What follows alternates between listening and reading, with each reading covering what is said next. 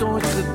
Het is een wonder, plots een baken, een lichtpunt in de nacht. Shikkaboom, shikkaboom, shikkaboom, bam. Shikkaboom, shikkaboom, shikkaboom, bam. Met Joyce Verdonk. Hallo, fijn dat je erbij bent voor deze tweede aflevering van Radio Streaming. Een uurtje boordevol cultuur, gratis en voor niks, op meer dan anderhalve meter afstand.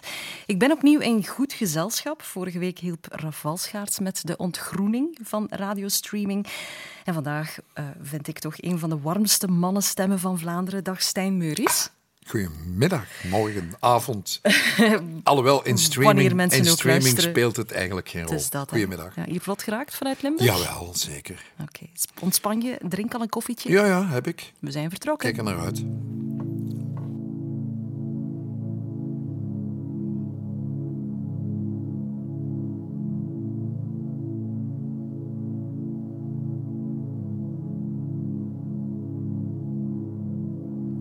You got some problems and you need to solve them. You get down on your knees and pray.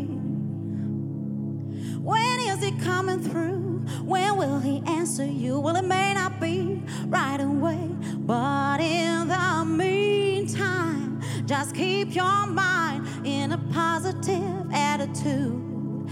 And while you're waiting, start praising. He's gonna see you through. He's what you got to do. Now praise Him till your blessings come down. Praise Him till your situation turns around. You gotta lift up your voice and sing Hallelujah anyway. Hallelujah anyway. Now praise Him till your blessings come down. Praise Him till your situation turns around. You gotta lift up your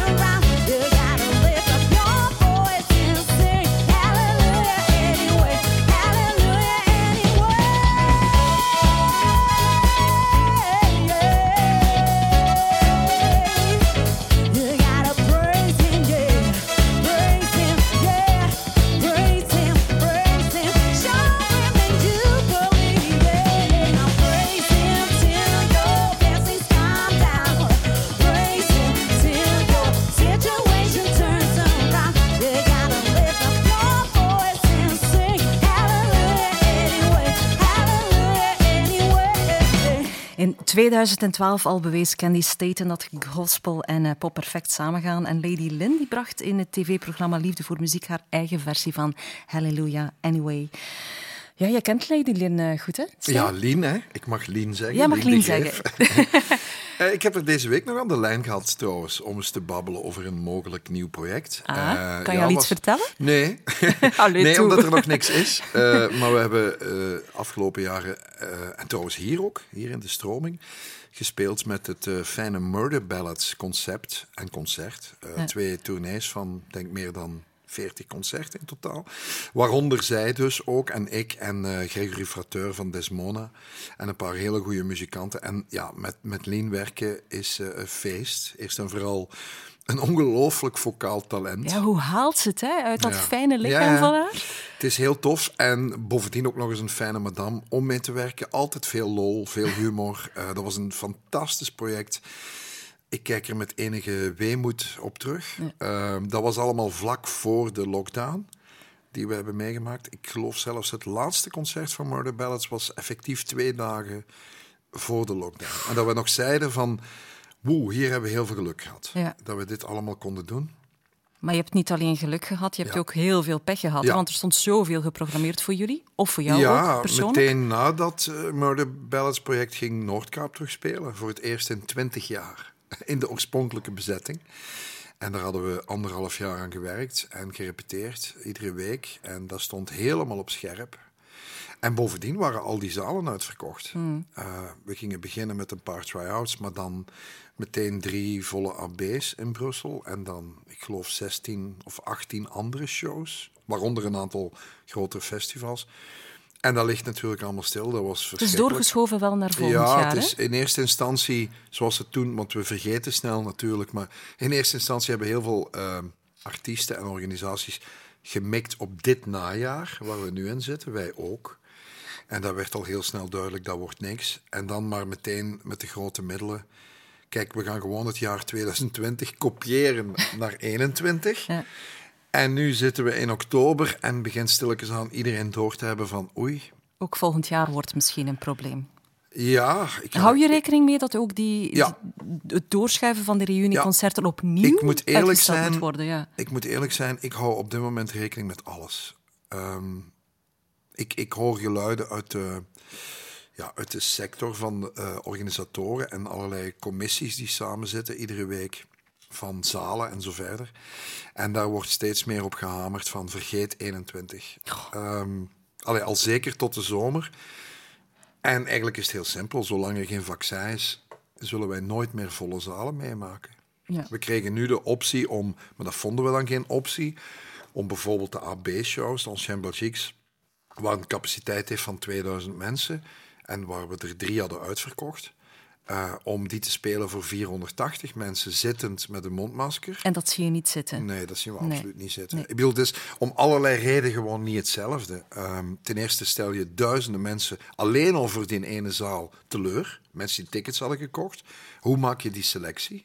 Ik bedoel, ga je zeggen Janneke wel en Mieke niet? Dat, dat weet ik niet. En twee, het is gewoon echt niet hetzelfde. En zeker met Noordkaap, wat volledig zou drijven op een bepaald soort energie, beleving het zweet moet aan het plafond hangen. Uh, allee, snap? Zoals het gaat bij dat soort shows, is het heel akelig om, om dat terug te scalen naar, naar iets met een zittend publiek. Ik heb nu toevallig de afgelopen weken een paar try-outs gedaan van mijn theatervoorstelling Tirade. Dat zijn try-outs, dus die waren sowieso al bedoeld voor, voor klein publiek. Straks komen de echte zalen, nog een probleem. Maar ook daar voel ik meteen, ik had er bijvoorbeeld eentje in Waregem, mooie zaal waar ik ook ging spelen. En dat was dan gewoon voor 90 mensen. Maar die zaten daar verspreid, mondmasker op. Dat was een hele goeie. Dat was een fijne try-out met een goed publiek. Maar je voelt dat publiek niet. Je voelt niks, je ziet niks. Je, je, je staat eigenlijk in een soort vacuüm te acteren. En ik heb schrik dat als je dat met een elektrische rockband doet, dat het resultaat ondermaats is. Ah, niet van prestatie, maar van beleving. En krijg je de mensen van Noordkaap gemotiveerd om de snoots ah. twee jaar, drie jaar, vier jaar Goeie te wachten? Vraag. Goeie vraag. Ik ben de enige van heel die bezetting die uh, na, na het jaar 2000, toen Noordkaap stopte, uh, die muziek is blijven maken. Enfin, zij ook wel, maar in privésfeer, zeg maar. Dus nooit op een podium of met een band. De plezante onkel op feestjes. Ja, ja, dat weet ik niet. Maar, maar ik ben wel dingen blijven doen en zij niet. Dus we moesten helemaal terug opbouwen. We moesten eigenlijk terug een groepje worden. Dat was een beetje raar, hè? want die Noordkaapleden zijn ook geen onderlinge vrienden of zo. Het is niet dat we elkaar twintig keer op een barbecue gezien hebben. Mm. Ik denk dat ik in twintig jaar vier, vijf keer mensen ben tegengekomen van Noordkaap. En dat is raar, want Ja. we hebben in de jaren negentig ongeveer duizend keer gespeeld. Zeven platen gemaakt en dat ging heel goed. Dus om dat nu een paar Ja, jaar te gaan rekken, is weer moeilijk. Wel, we hebben dus een jaar terug dat bandje opgebouwd en dat stond zo scherp. Ik was zelfs ongelooflijk aangenaam verrast. Want iedereen was een beetje argwanend van, ja, maar hoe kunnen mensen die twintig jaar niet hebben samengespeeld terug dat niveau halen? Maar dat ging dus. Dus ik denk dat dat een beetje is gelijk voetballen, fietsen of zwemmen. Allee, op een bepaald moment kun je dat. En je moet dat terug opfrissen. Maar om nu te zeggen van, zijn, jullie nog, zijn er jullie nog over twee, drie jaar? Dat, dat zullen we zien. We hadden nu een heel fijn momentum. En dat momentum zijn we kwijt natuurlijk. Het was namelijk in 2020, in het voorjaar, dat we nu al gepasseerd zijn, exact 30 jaar geleden dat Noordkaap de Rock Rally won, 1990. 1 april, wat een grap was dat.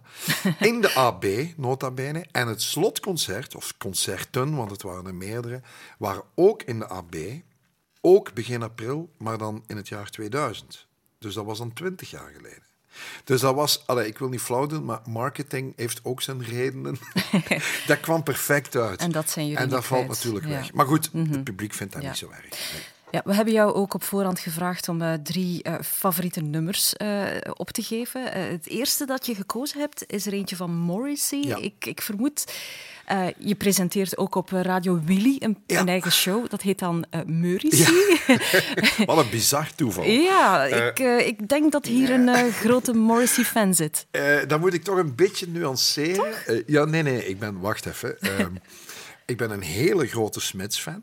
Ehm, altijd geweest, dus zijn band eh, uit de jaren 80 en deel 90. Ik kan daar niks slechts over zeggen, over de Smiths. Ik, wat mij betreft was dat een band die de perfectie in popmuziek benaderde. Dat waren de Beatles van de jaren tachtig. ik weet dat veel mensen dat niet zo zien, maar ik kan een boek schrijven over waarom dat, dat wel zo is. Dan is Morrissey solo geweest, daar ben ik ook fan van, maar niet vreemd genoeg van de man zelf. Ehm, wel van de performer, de tekstschrijver, de, de, de, de songwriter, de noem maar op. En eigenlijk ook wel een klein beetje van het rare figuur dat hij is, want hij is een raar figuur. Uitgesproken vegetariër Ja, en soms zo, hard zodanig tegen... uitgesproken vegetariër dat het op fundamentalisme begint te lijken. Maar dat heeft hij wel met een aantal andere uitspraken. Hij doet ook hele rare uitspraken over eh, extreem rechts bijvoorbeeld in Engeland. Hij, hij, eh, pff, hij hoeft zijn mond maar open te doen of half Engeland ligt in een deuk en de andere helft is boos. Maar dat, dat fascineert mij ook wel. Want ik heb zoiets van, hier hebben we tenminste nog een artiest die een mening heeft. Het is niet per se mijn mening, maar hij heeft er wel nog één. En dat vind ik zeer belangrijk, omdat ik merk dat er een soort kaalslag is gebeurd, een soort vervlakking, ook in ons land trouwens. Alles is heel braaf, alles is heel georganiseerd en professioneel. Daar ben ik zelf ook fan van, want ik vind dat we vele stappen gezet hebben de laatste twintig jaar, op allerlei vlakken. Ook organisaties, podia, techniek, noem maar op. Maar vreemd genoeg niet als het gaat over de uitgesprokenheid van artiesten. En dat vond ik vroeger toffer. En dus, en dit geheel terzijde, lange aanloop, Joyce. maar wat een fantastisch nummer. En we dat vooral niet vergeten. Every Day is Like Sunday. Een van de eerste singles die Morrissey solo uitbracht. Het had in principe nog een beetje van de Smiths kunnen zijn. Daar lijkt het ook nog wel wat op. Maar een nummer, ik ben zo verliefd op het Engeland dat hij altijd schetste. Een Engeland dat wij nooit kenden, maar Engeland onder Thatcher bijvoorbeeld. Het ging daar niet goed. Engeland was grauw, was grijs, was een beetje late middeleeuwen zelfs. Mensen hadden geen werk, maar er werd fantastische muziek en kunst gemaakt. En Every Day is Like Sunday, je moet echt, beste luisteraars, de videoclippen zoeken op YouTube. Ja, sorry dat ik dat even uitleg, Joyce, maar dat is... Je bent de perfecte Ja, maar ik vind dat wel eh, belangrijk. Ik krijg daar echt kippenvel van. Omdat eerst en vooral, hij schetst in dat nummer een sfeer die wij denk ik niet kennen in Vlaanderen. Maar in Engeland wel, zeker jaren tachtig. Zo'n verlaten kuststadje. Het is grijs, het regent. Er is eigenlijk niks te beleven. Er staat een, een uitgewoond casino. Daar staat zo'n reuzenrad waar niemand nog op gaat en dat helemaal verroest is. Je kunt daar vis en chips kopen en that's it. En dat schetst hij in dat nummer. Iedere dag is zoals zondag. En daar bedoelt hij mee, iedere dag is een grijze dag. In een stadje dat ze ooit vergeten zijn om te bombarderen in de oorlog. ja, dan zit er echt een mislukt stadje. En dat doet hij. En als je een videoclip bekijkt, dan snapte dat gevoel. En dat kon Morrissey zo goed, beter dan wie dan ook. En nog één klein dingetje, daar is ook een live video van. Uh, van dit concert. En je ziet in Engeland, ik weet niet meer precies welk stadje, het was een festival waar hij speelt, is avond. Er staan 10, 20.000 Britten. En de Britten hebben iets met hun muziek dat wij Vlaanderen, Vlamingen niet hebben. Die gaan daar volledig in op. Die staan met tranen in de ogen naar dit nummer te luisteren. Die, die, die hunkeren naar die artiest, die hunkeren naar die tekst, die zingen die compleet mee. Dat is iets wat ik een beetje mis hier in ons land. Wij, wij zijn te, ja, te kil, te cool, te, te vlak, te, ja, te ingetogen. En dan ben ik blij dat dit eh, zo'n nummer er is. Perfecte, korte inleiding voor Morrissey. Goed,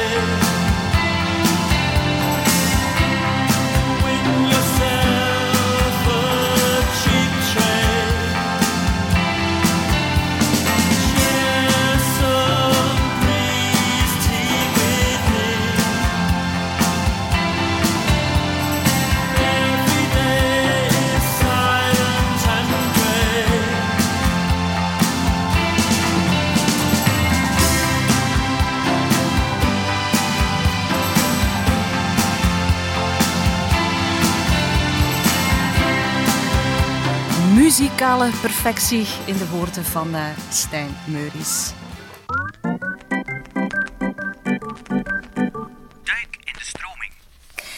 In uh, Cultuurcentrum De Stroming is muziekgeschiedenis geschreven, meerdere keren zelfs. Maar in 1990 is er toch een momentje dat eruit springt. Karel van Poeken van het Cultuurcentrum. Uh, Goedemiddag. Er kwam toen een muziekband in De Stroming een single opnemen. Niet zomaar een band. Vertel wie, wat, wanneer, hoe. Ja, dat was niemand minder dan Bart Peter en de Radio's. De Radio's, bedoeld. Ja, ja, ja, ja, die waren toen volop aan het boomen. En die hebben een single gemaakt, namelijk uh, Tears in the Morning en Gimme Love, voor een live publiek hier in, de, in, ja, hier in het cultuurcentrum. Dus 1990, net toen het uh, opgericht was. Um, hij kon er niet bij zijn, maar we hebben hem al eens opgebeld uh, wat hij er zich nog van herinnert. Alles. Wij waren toen op tour. Dat was de eerste plaats van de radio's, die heette No Television. En dan hadden we de stroming uitgekozen om daar live opnames te maken. Uh, onder meer van Gimme Love, maar bijvoorbeeld ook van Lay Down. Dus ook weer een andere live track, die is dan op een op een andere single terechtgekomen. Maar ik zweer het je, ik heb de single, kijk, Aha. Ik heb hem gevonden. Ja. En ik herinner me nog goed dat, um, dat, dat, dat spannend voor ons was. Ja. Want bij een live-opname, je kan dat maar één keer doen. Het zou heel raar zijn om tegen de lieve mensen in uh, Evergem Sluitingen te zeggen, we gaan dat nog een tweede keer opnemen of zo. Dat gaat niet. Dus we hadden die, die mogelijkheid, die mobiele studio, maar één keer. Dus dat was voor ons best spannend. Ik zie dat de producers uh, Wouter van Bellen en drummer Mark Bonne, die afkomstig is uit het Evergemse, uh, er als producers als uh, credits bij staan. Um, waren zij dat de mensen die jullie dan samengebracht hebben om het bij ons te doen? Weet je dat nog? Ik weet zeker dat Mark Bonne, die inderdaad van, van daar afkomstig is, um, dat hij zei, ja, er is bij ons een, een nieuw cultureel centrum. Ik had niet door dat het zo nieuw was. Mark Bonne, die kende dus duidelijk de stroming en die waar het bij muzikanten altijd over gaat, dat is de akoestiek. Dus die akoestiek die is bij jullie heel goed. Dat klopt. Uh, en dan het tweede is, je hebt nodig een leuk publiek. Ik moet een beetje lachen nu zelf als ik kijk en ik zie uh, uh, mixed by, by Wouter van Bellen en Mark Bonne en dan special thanks to all the beautiful ja. people. to all the beautiful people in Evergem Slijdingen. Fantastisch, mag ik, nu, mag ik nu bekennen dat ik dat gewoon gepikt heb, die zin, van een plaat van Prince. Wow. Namelijk Sign of the Times, waar één track live is. En dat was ook special thanks to all the beautiful people of Paris. Of Want Paris. dat was live opgenomen in, in Parijs. Super, dus er is zelfs een link tussen Prince en uh, Slijdingen. Wie had dat ooit uh, gedacht?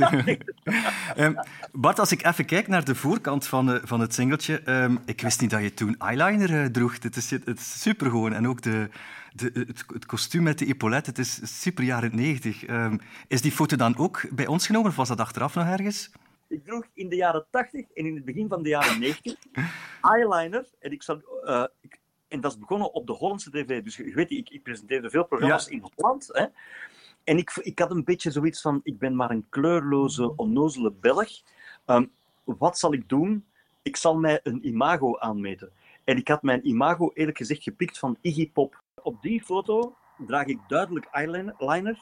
Dus dat moet ergens bij een tv-opname in Holland geweest zijn. Uh, nu, de, uh, het feit dat je dus opgenomen hebt in, in een cultuurcentrum, was dat, dat was toch vrij ongewoon, neem ik, neem ik aan? Want waarom niet in een gewone studio?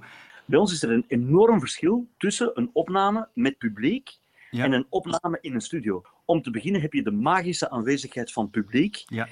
En ik denk dat, dat die opname in Eversl Evergem Slide Slijdingen... ja, ik ben al Engels te spreken. Ik denk in de, in de streaming... In de streaming. Die... ik denk dat die opname in de stroming uh, ons heeft geïnspireerd, want, want dat was eigenlijk wel heel leuk en, ja. en dat klonk eigenlijk wel heel goed. Um, om dan twee jaar later op Marktrock ik denk de bekendste plaat van de radio's op te nemen. Hè? Ja. Dus uh, de radio's live. Dus dan hebben we een volledige live plaat gemaakt met een volledige live video enzovoort. Dat was eigenlijk ongelooflijk, want ik heb nog nooit een plaat geweten die is opgenomen in anderhalf uur. Mhm. Namelijk exact de lengte van het concert. Super. Uh, en dus toen we merkten van, ja, als het lukt in Evergem Slijdingen, dan moet het ook lukken op Marktrock Leuven. Dat is ongelooflijk. De aanwezigheid van een publiek inspireert muzikanten geweldig. En ook zo van, je hebt maar één kans. Je hebt Ja. maar één kans. Dat is ook goed. Eh, Bart, ik zou je heel graag willen bedanken voor dit beautiful interview. Heb je, heb, heb je, nog, heb je nog een boodschap voor eh, de luisteraar om af te ronden? Ja, natuurlijk. eh, in deze streaming van de stroming wil ik graag de beautiful people van Evergem Slijdingen eh, en, en eh, omgeving eh, bedanken met een welgemeende thank you.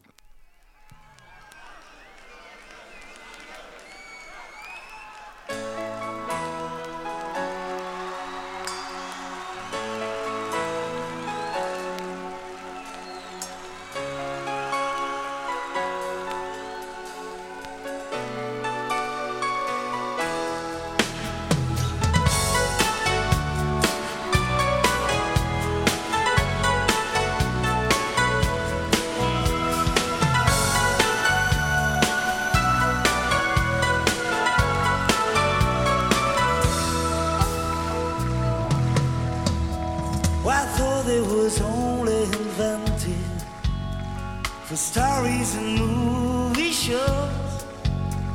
A trick to be taken for granted by Saturday night Romeo. But as I'm watching sincerely, I get down to a different view. I only want you to be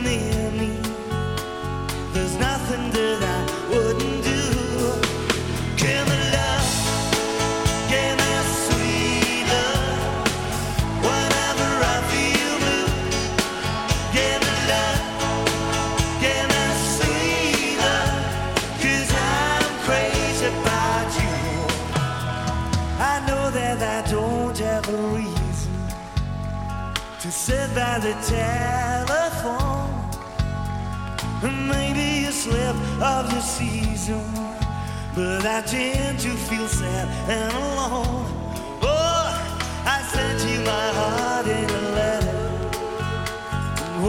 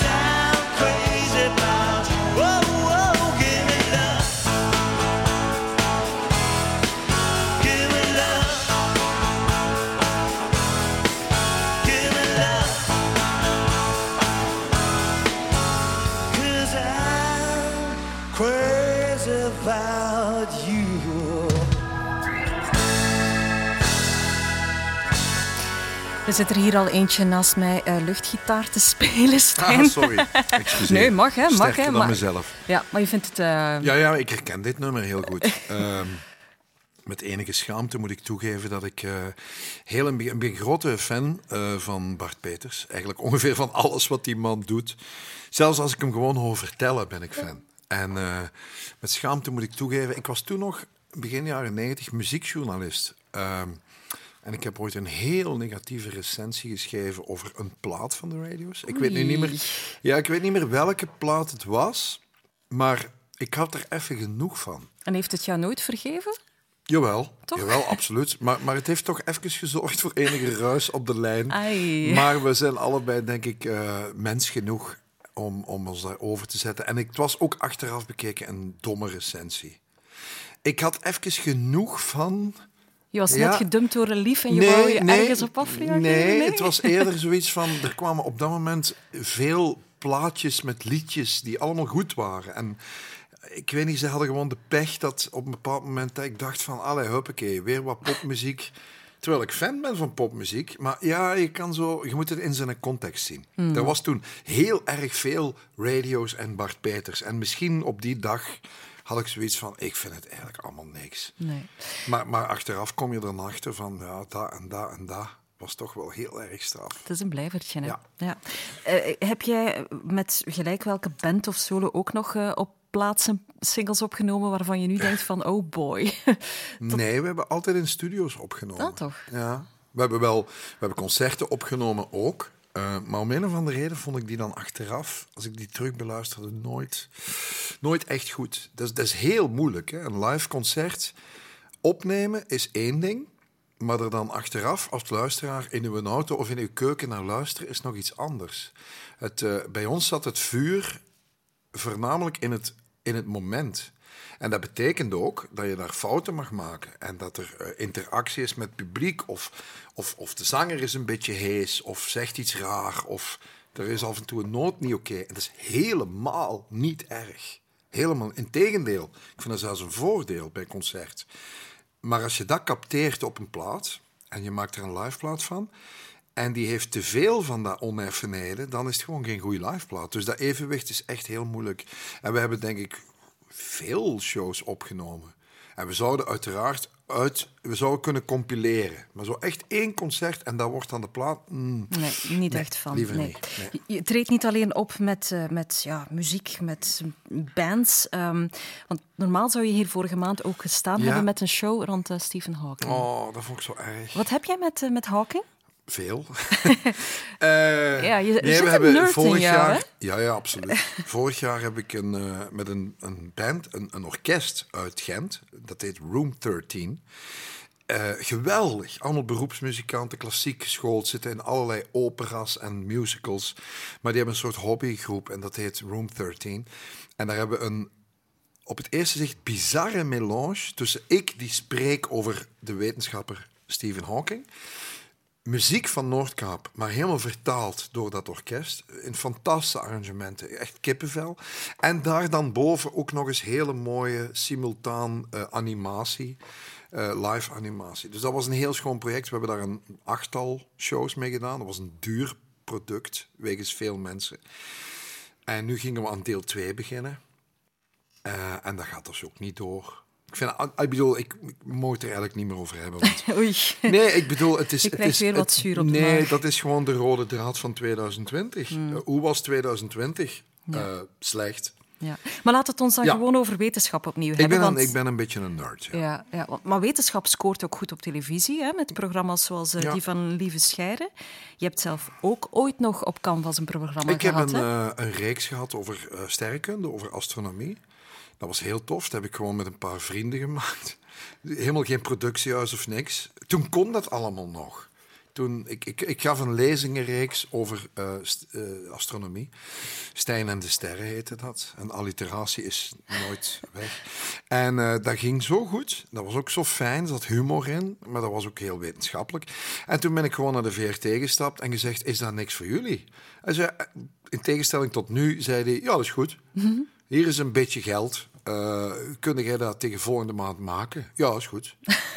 En toen hebben we dat een week lang in een, op een fantastische locatie, de Academiezaal in Sint-Truiden. Ik kan u die allemaal aanbevelen. Een akoestiek, iets geweldig, maar ook heel mooi van uitzicht.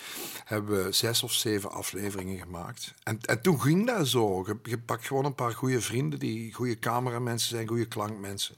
En huppakee. Ja. Maar ik heb wel iets met, met wetenschap. Ja. Ik vind dat super belangrijk. En, en raar dat je die vraag nu stelt, raar dat je die stelt, omdat steeds minder mensen hebben iets met wetenschap.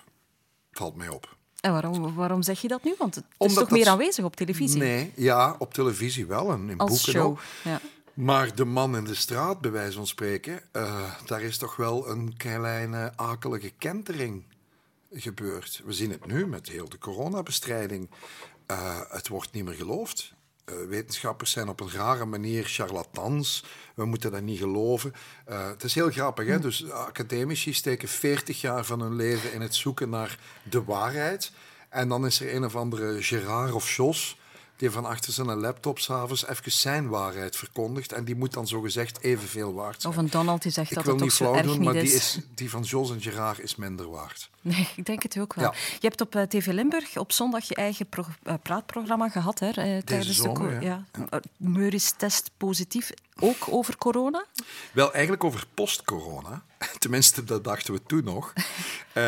Het idee was van, wordt het niet tijd om in tien interviews van een half uur, die totaal niet gemonteerd of geknipt werden, één, tweetjes met gasten, om eens te praten over, weliswaar de provincie Limburg dan, na corona.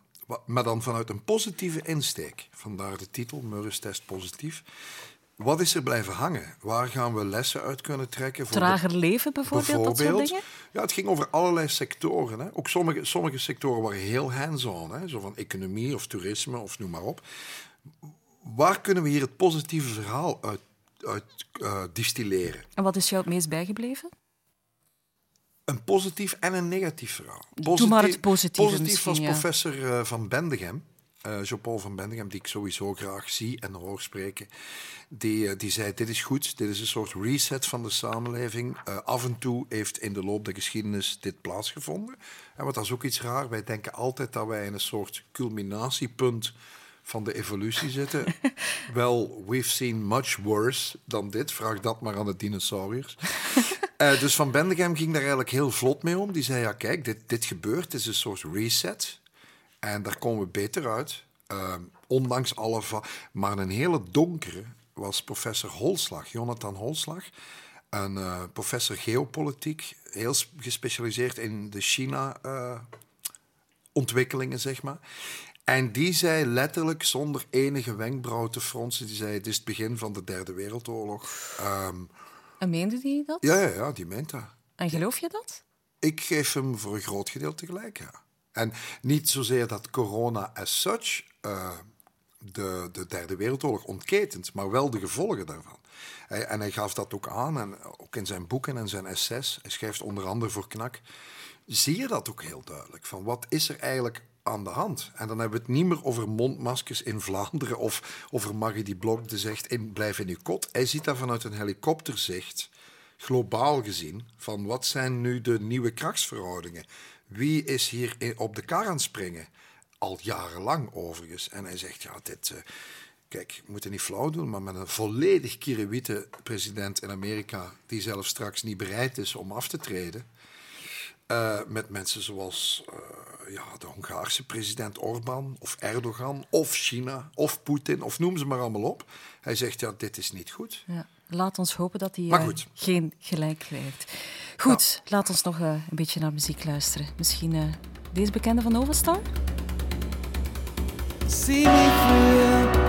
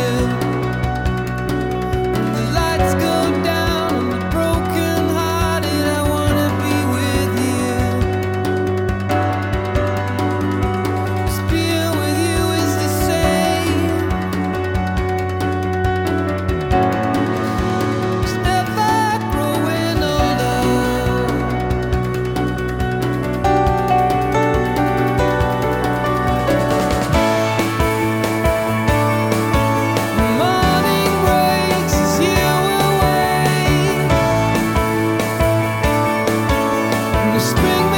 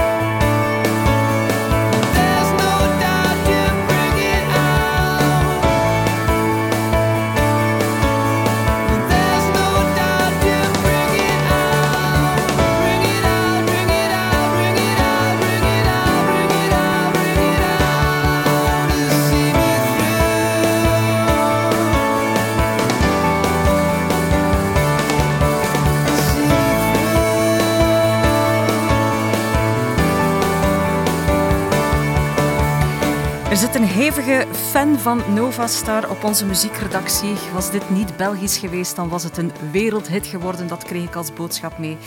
Uh, ja, ik kan die alleen maar gelijk geven, hè, Stijn? Ja, dat is zo. Ja, fantastisch. um, we hebben uh, nog fantastisch muziek klaarstaan. Uh, of beter live muziek, die we zo meteen gaan horen. Omdat we elke week in radiostreaming lokaal talent een platform willen geven. Uh, dat is toch een van onze doelstellingen.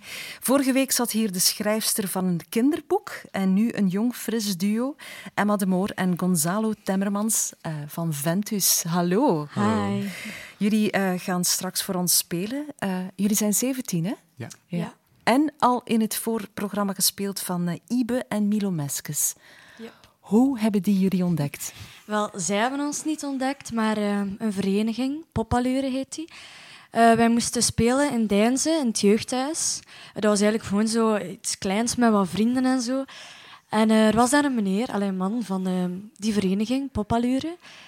En ja, die, die stuurde ons berichtjes van... Kijk, weet je, ik ga dat regelen voor jullie. Ehm, jullie gaan mogen spelen voor Milo Meskes. Ja, het zal Wij waren wel. super enthousiast natuurlijk. En dan ehm, heeft hij ons nog een tweede keer gevraagd, daarna dan, voor Ibe. En ehm, ja, dat sloot ook heel erg aan bij onze muziek. En Ja. Dat was wel fijn. eh, En super zenuwachtig dan toch op zo'n moment? Ja, of valt dat, dat mee? podium. Wij waren zo, zeg Ibe, dat is hier wel professioneel, hè? en eh, zo, ja. Ja, maar jullie zijn, ondanks jullie jonge leeftijd, ook al vrij professioneel. Hè? Jullie, ja, jullie muziek klinkt al eh, heel erg. Ja, we, ja, we hebben gewoon met ervaring ook gewoon zo met al die concertjes. Zo met, ja, gewoon zo in kleine, zo, dat begon zo in zo... We hebben eens in een ijsbar opgetreden en zo, gewoon ja, met zo kleine dingetjes te doen.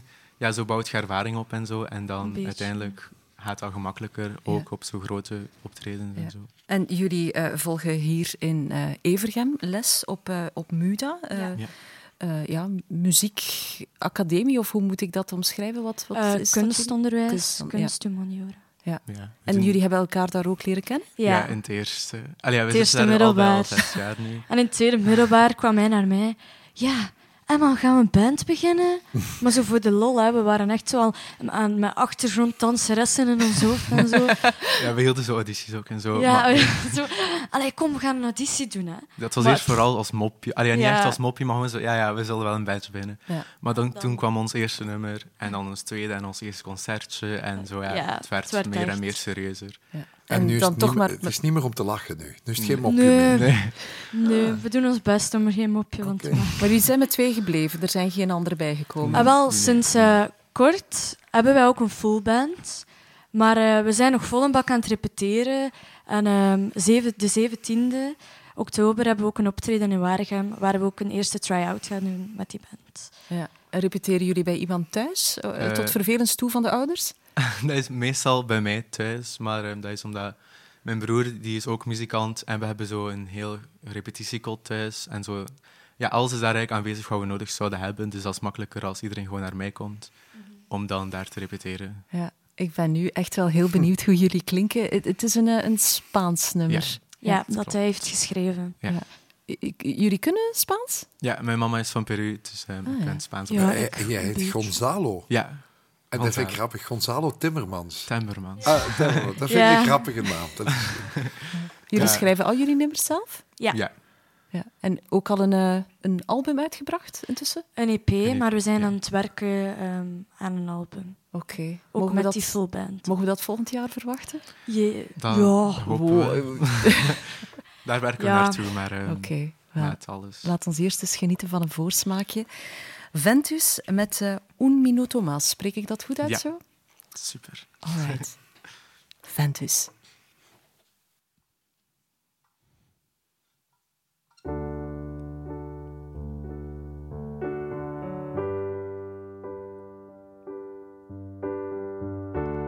tus ojos brillando, difíciles de encontrar. Mirada tan preciosa me dejó sin hablar. Pasando el tiempo contigo, me siento feliz, como que nadie me puede dañar. Cada minuto y cada segundo estoy pensando en ti.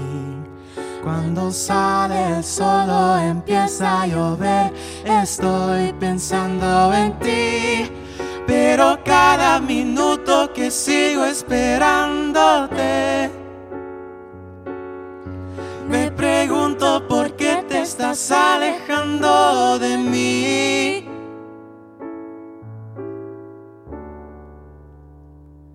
Amor, por favor, quédate aquí conmigo para siempre. Is my voice not loud enough for you? Does it echo in your ears when my words make their way through? You building walls because some of us wouldn't approve? Is time even an option, or is there a way to make it one, two? Cada minuto y cada segundo estoy pensando en ti. Cuando sale el sol o empieza a llover, estoy pensando en ti. Cada minuto que sigo esperándote,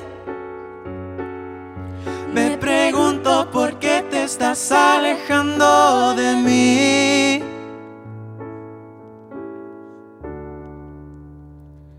Amor, por favor, quédate aquí conmigo para siempre.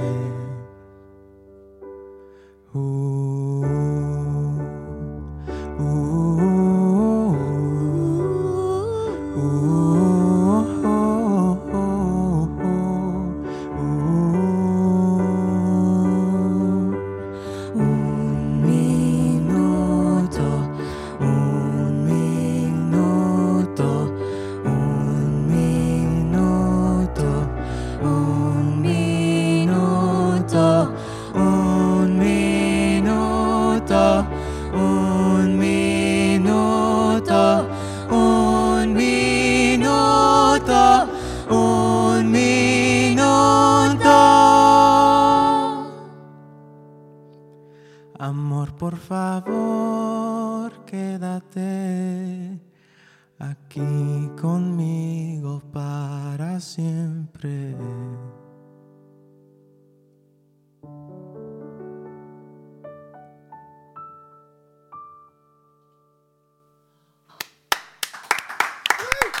Dankjewel.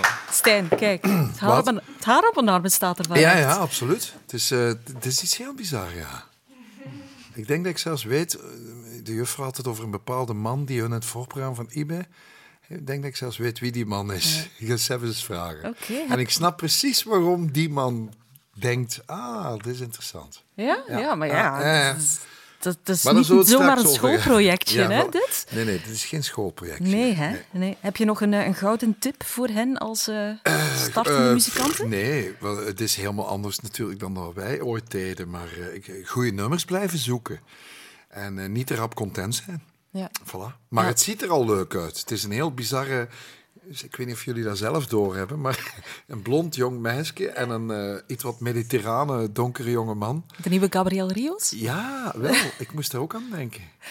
Ik moest er ook aan denken. Maar goed, dat leidt ons nu te ver, maar eh, wie weet. Ik ben al blij dat ik een foto gemaakt heb nu. Want nu kan ik over vijf jaar, wanneer zij wereldberoemd zijn, kan ik zeggen, kijk, ik heb daar al een vroege foto van. en dan is die foto veel geld waard.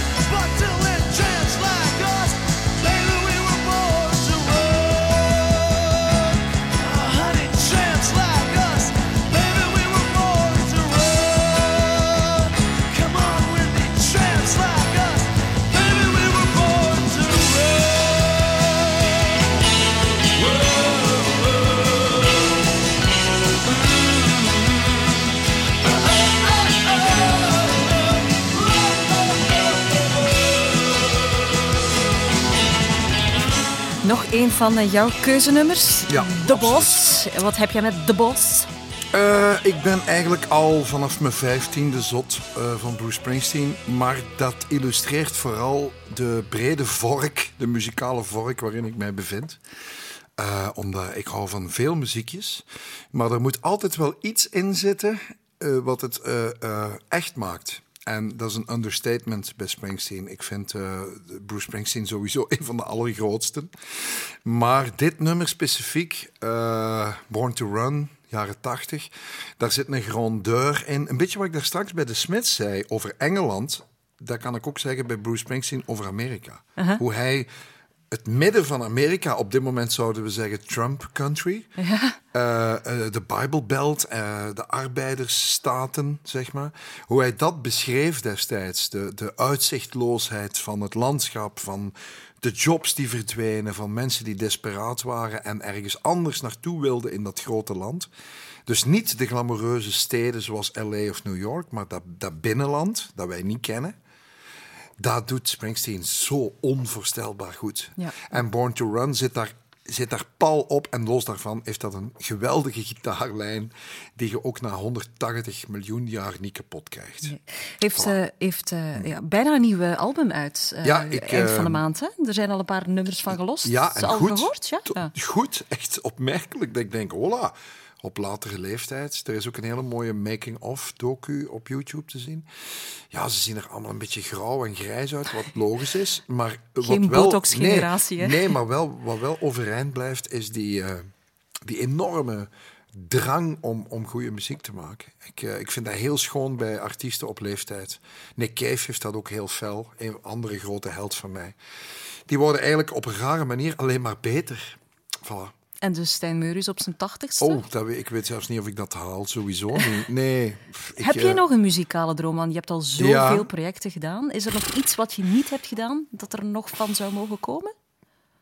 Ja, ik... ik dat is moeilijk. En ik ga dat, daar hebben we opnieuw een uur nodig. Dat gaan we niet doen. Geen slagers, Maar denk nee, ik. Hè? nee, nee. Ik wil terug eh, met fijne muzikanten en los van al de miserie die we dit jaar meemaken. Zou ik graag gewoon terug vers nieuwe nummers maken. Maar ik besef he- met een drive die heel hoog ligt. En, maar dat zal zodanig afwijken van het reguliere poppatroon dat wij nu gewoon zijn. Dat dat bijvoorbeeld geen radio gaat halen. Sowieso, nee, dat is zo. En ik vind dat eigenlijk ook niet zo heel erg. Ehm, Maar gewoon om, omwille van mezelf. ehm, spelen, spelen, spelen. Maar het is anders. De dingen zijn gewoon veranderd in, in Spotify-tijden. En eh, Hoe had jouw carrière er eigenlijk uitgezien als je niet in het Nederlands had gezongen? niet. Dan was er die niet geweest. Ehm, ik vond dat Nederlands een, een zodanige evidentie. Ehm, ik kan het me niet anders voorstellen. Voor alle duidelijkheid, 95% van mijn platencollectie is Angelsaksisch, denk ik. En nog wat Frans en wat Duits.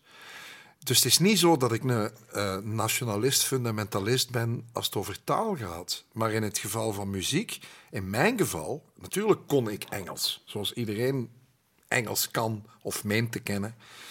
Maar ik vond het geen optie. Ik, ik, eh, ik ben opgegroeid met... eh, ik, ik kom uit de punk-periode, letterlijk.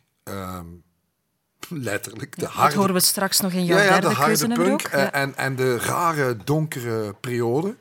Maar ik, het Engels vond ik geen optie. Ik, ik had snel door dat het Nederlands eh, iets extra's te bieden had. Namelijk eh, bereikbaarheid. Kijk, het was toch nooit een optie om, eh bij wijze van spreken, door Argentinië te gaan toeren. Drie weken met een tour. Dat, in, in Overpelt, begin jaren tachtig, was dat geen optie. De enige optie die er was, was twee dorpen verder in een café te gaan spelen. Dus dat, dat Engels speelde helemaal geen rol. Nee, Maar het heeft jou niet ongelukkig gemaakt, hè? Nee, zeker niet. Nee. Zeker niet. Nee. En ik had...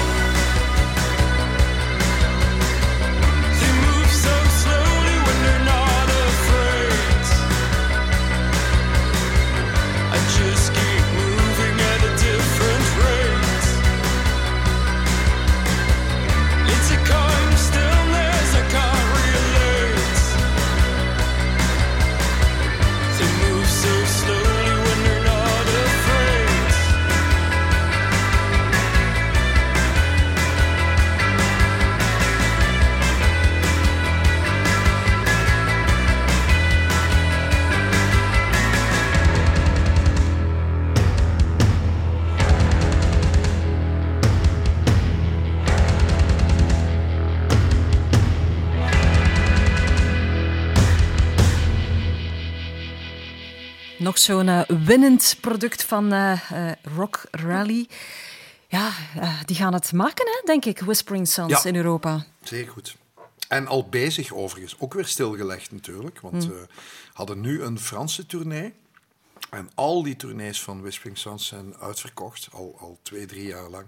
Heel boeiende band. Maar goed, dit geheel terzijde. Kan dat een, een band, of, of zoals de jonge mensen daarnet van Ventus, eh, kraken? Eh, heel die corona-problematiek Ja. in het begin van je carrière? Ja, dat zou kunnen. Ja. Nu, in het geval van Whispering Sons, een groep die ik al volg sinds ze de Rock Rally wonnen. Ik heb overigens zelden of nooit een band zo overtuigend die wedstrijd zien winnen. Meen je het?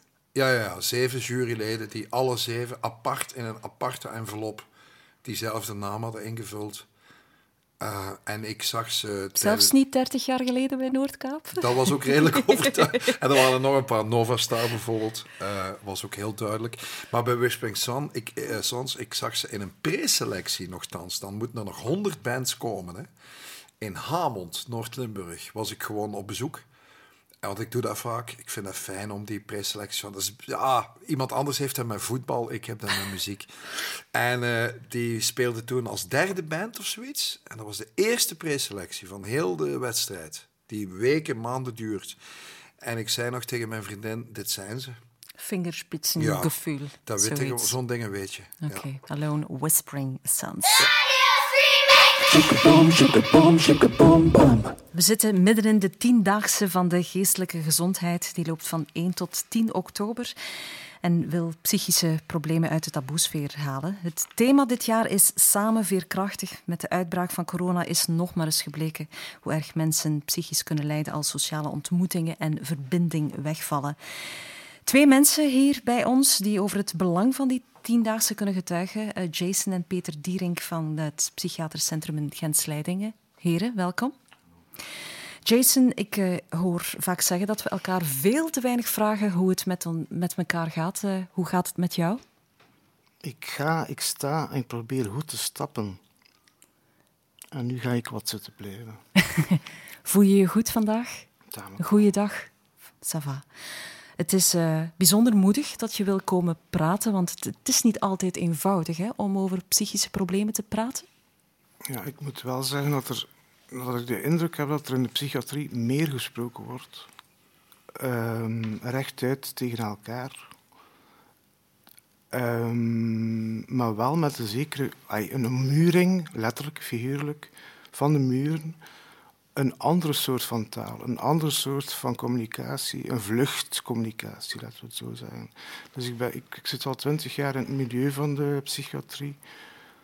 En dan merk je dat het in één keer stil kan zijn op straat. Mensen op straat babbelen minder, dan in het centrum. Ja, we zitten Ja. nu wel ruraal hier, hè, in, eh, in Slijdingen. Eh, maar van het moment dat je dan weer een, een krantenwinkel binnenstapt of een, desnoods een café, dan wordt er wel op een ander niveau gepraat. Dus het zijn ook allemaal bubbels, laten we het zo zeggen. Ja. Een eh, heet woord tegenwoordig, hè, die bubbels. Ja. Ehm, jij eh, bent hier niet in de eerste plaats uitgenodigd om over jouw eigen problemen te praten, maar over eh, wat kunst voor jou betekent. Wat doe jij allemaal? Eh, Zowel definiërend aan de hand van impressie, eh, observatie met nuchtere zelfkennis, zet ik de kleine wereld op papier. Je schrijft gedichten. Dus ja, dus wel aan de hand ook van radio. Ik schrijf gedichten inderdaad, maar dat kan ook zonder geluid zijn, met Ja. minieme observatie. Ja. Kan je zo eens een kort gedichtje laten horen? Jawel. Half weemoedig, startens kapitaal, zulk belang in gedachte en meer terens afzwakking. Dunkt toppunten veerkracht naar voorbeeld, idealiter zo gegoten, entende nieuwsgierigheid weglegt.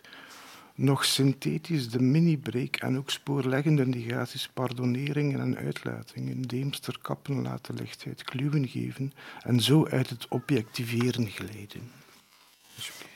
Peter, jij bent eh, Jason zijn begeleider. Jason is niet de enige die door met eh, kunst bezig eh, te zijn contact legt hè, met de wereld rond zich. Dat klopt.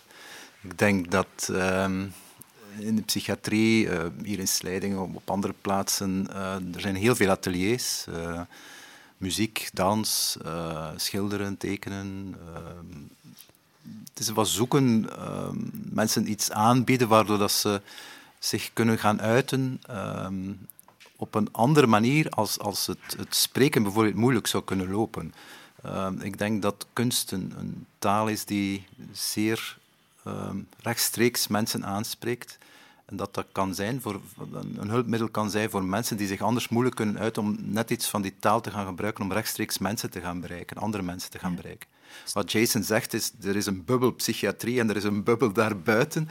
Dat is iets wat zeer fel beleefd wordt als je lang in de psychiatrie bent. Jullie hebben dat wel al proberen te doorbreken door eh, sommige van die gedichten eh, naar buiten Ja. te brengen, op te hangen Ja. op straat.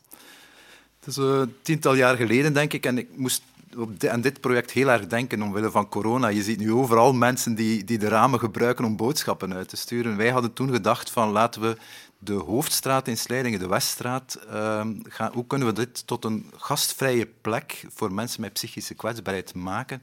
En wij dachten als nu ehm, buurbewoners eh, gedurende drie maanden een gedicht van mensen van bij ons, psychiatrie, achter het raam hangen. En er zijn heel veel mensen die dat doen. En dat was ook wel zo. Een 100, 120-tal huizen hadden een gedicht achter het raam. En je bent dan opgenomen en je loopt door die straat. Dat geeft toch een gevoel van... Ik ben hier welkom. Eh, ik mag hier zijn. En wij zijn telkens op zoek naar die hele kleine gebaren vanuit de gemeenschap, vanuit het dorp, om mensen mee te geven dat ze welkom zijn. Ja. Dus het, eh, het woord dat wij gebruiken is kwartier maken. Een kwartier gaan maken, een gastvrije plek gaan creëren voor mensen. Ja. Je spreekt over kleine gebaren. Er is ook een groot gebaar geweest. eh, kort na de dubbele moord in de frituur van Slijdingen eh, door een ex-patiënt in 2004. Toen zijn er heel veel culturele projecten uit voortgevloeid. Een, een toneelstuk, maar ook nog eh, andere zaken. Om die dialoog aan te gaan wakkeren met, met buurtbewoners. Wat heb jij daarin betekend? Ehm, ik denk dat, dat ik dat project wat, wat gestuurd en getrokken heb en, en, en gemotiveerd heb. Wij waren eigenlijk al, al fel bezig voor die, die moorden. Maar dat is dan wel een kantelpunt geweest, omdat je dan toch moet gaan vertrekken vanuit een soort defensief. Er werd vanuit de buurt naar ons gekeken van, wat gebeurt er daar allemaal in die instelling? Zit daar een gevaar binnen? Ja, hoe kon dit gebeuren? Dus het, het, wat, wat aangegeven wordt als een cliché van mensen met psychische kwetsbaarheid zijn gevaarlijke mensen, dit cliché werd een werkelijkheid. Ja. En heb je dat kunnen omkeren opnieuw? We hebben dit kunnen omkeren. Uh, het, het, eindresultaat is nu dat de plaats waar die moorden gebeurd zijn, dat de ontmoetingsplaats is.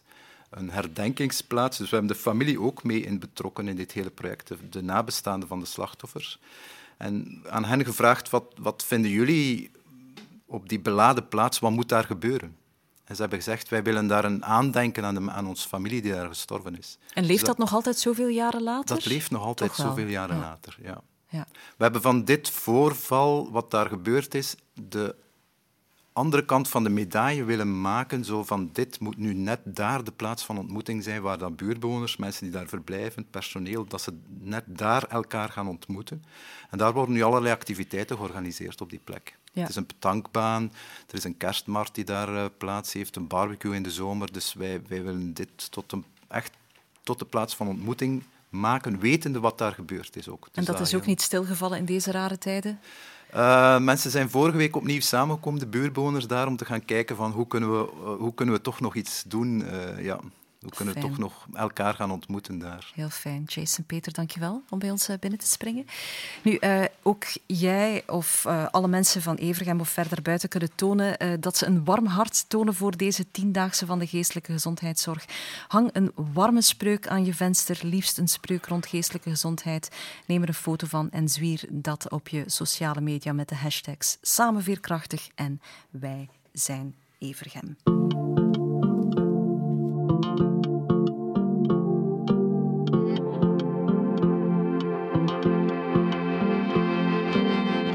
Weet het niet just niet meer, voor al de lesten tijd zijn ik het kwijt. Precies altijd te laat, maar vroeger was ik meestal juist op tijd. Ik heb geen gedacht niet meer wat de bedoeling is. Ik vaar mijn straat niet meer, ik draai hier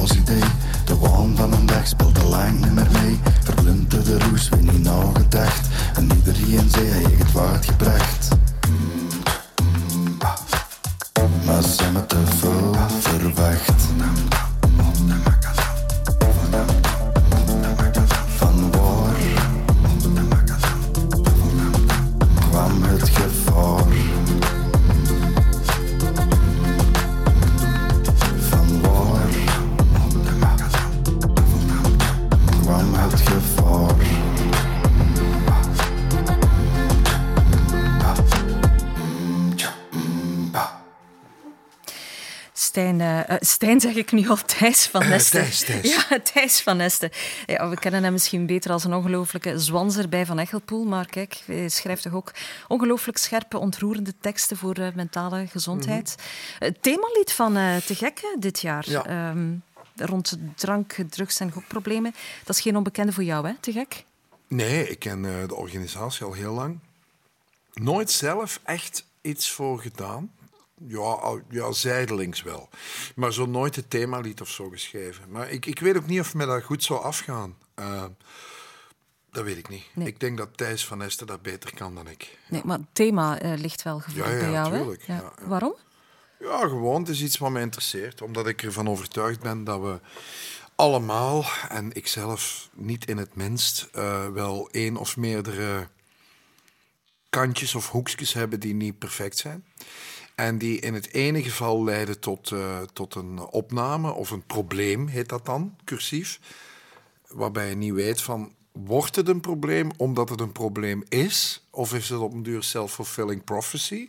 Er was eigenlijk niet echt een probleem. Maar goed, ik zit nu zo diep in het systeem dat het er wel één moet zijn en ik kan er niet meer uit. Daar ben ik me heel van bewust.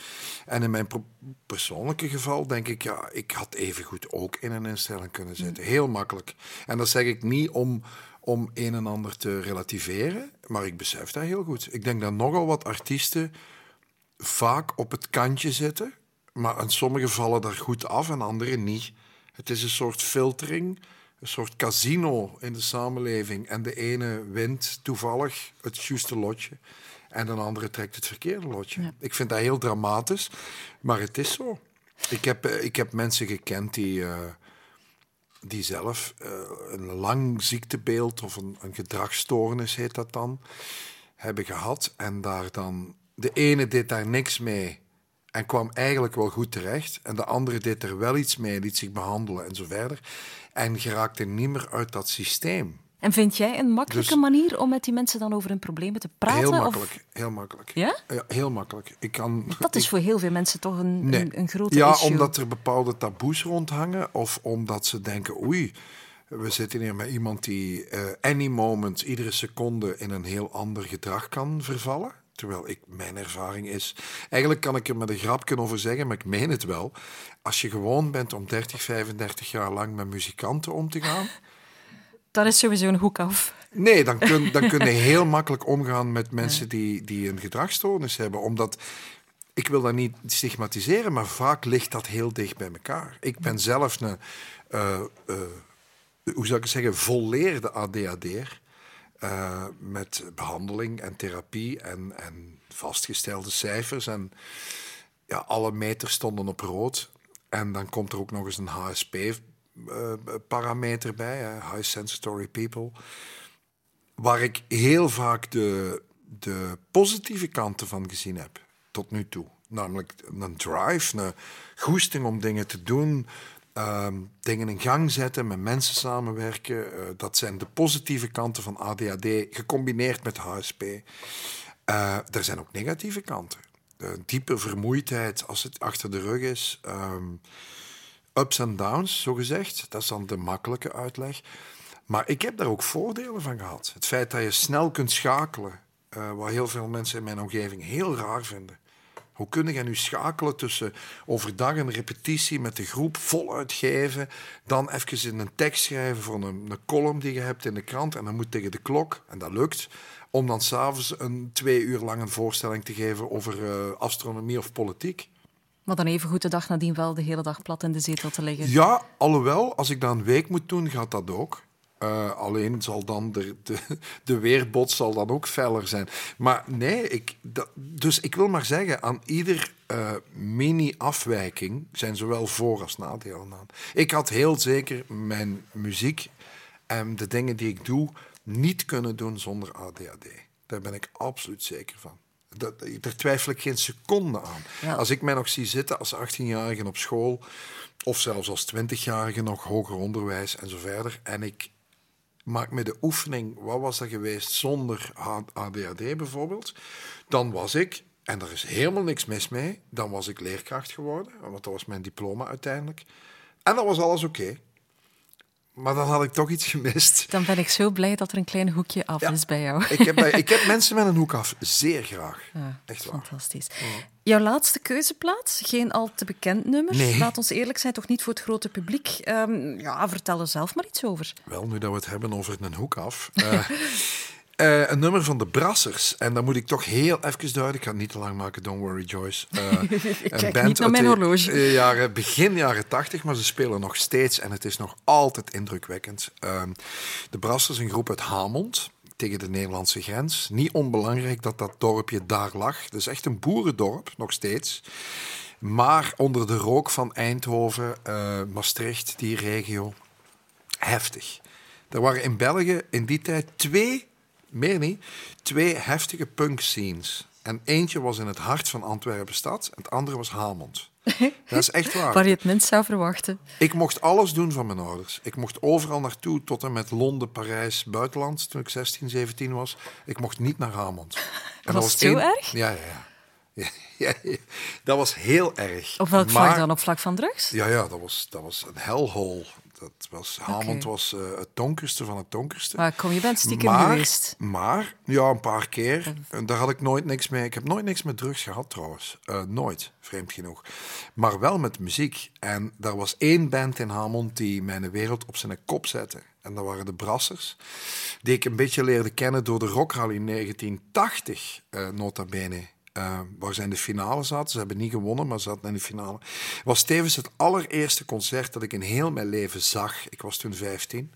En dat kwam in de AB in Brussel, de finale, waar ik normaal nooit zou geweest zijn op die leeftijd.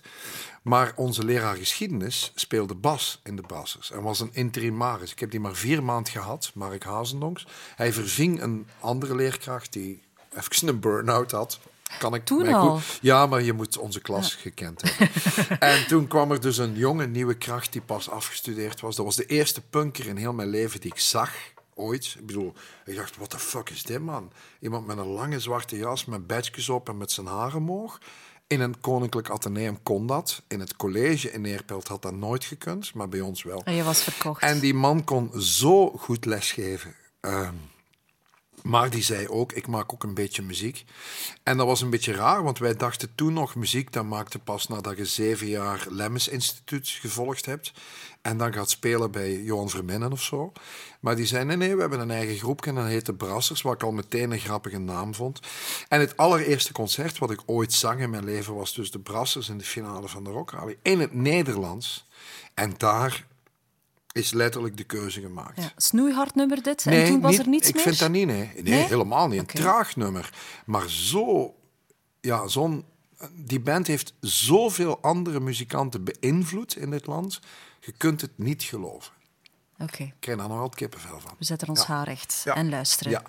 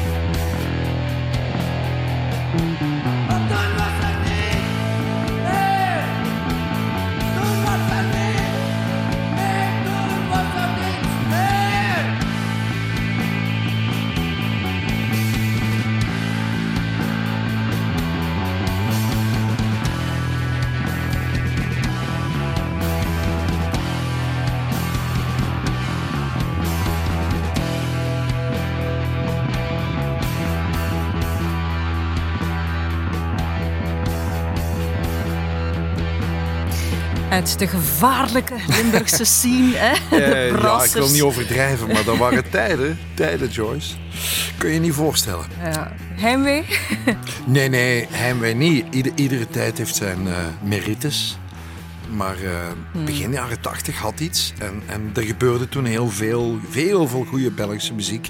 Ontstond toen. En heeft nog eh, decennia lang nagewerkt. Ja.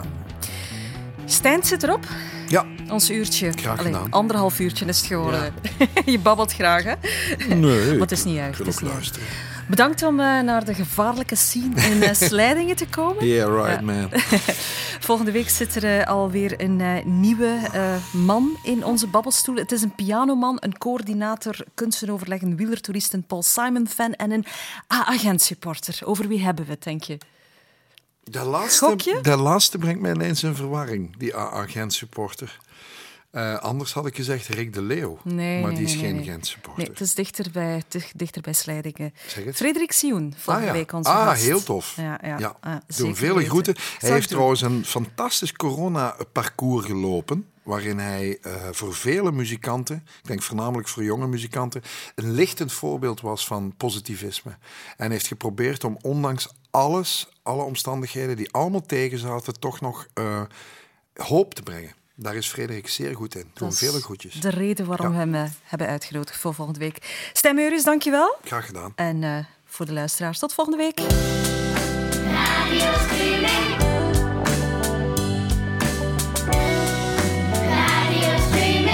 Shika boom, shika boom, shika boom, bomb. Shika boom, shika boom, shika boom, bomb.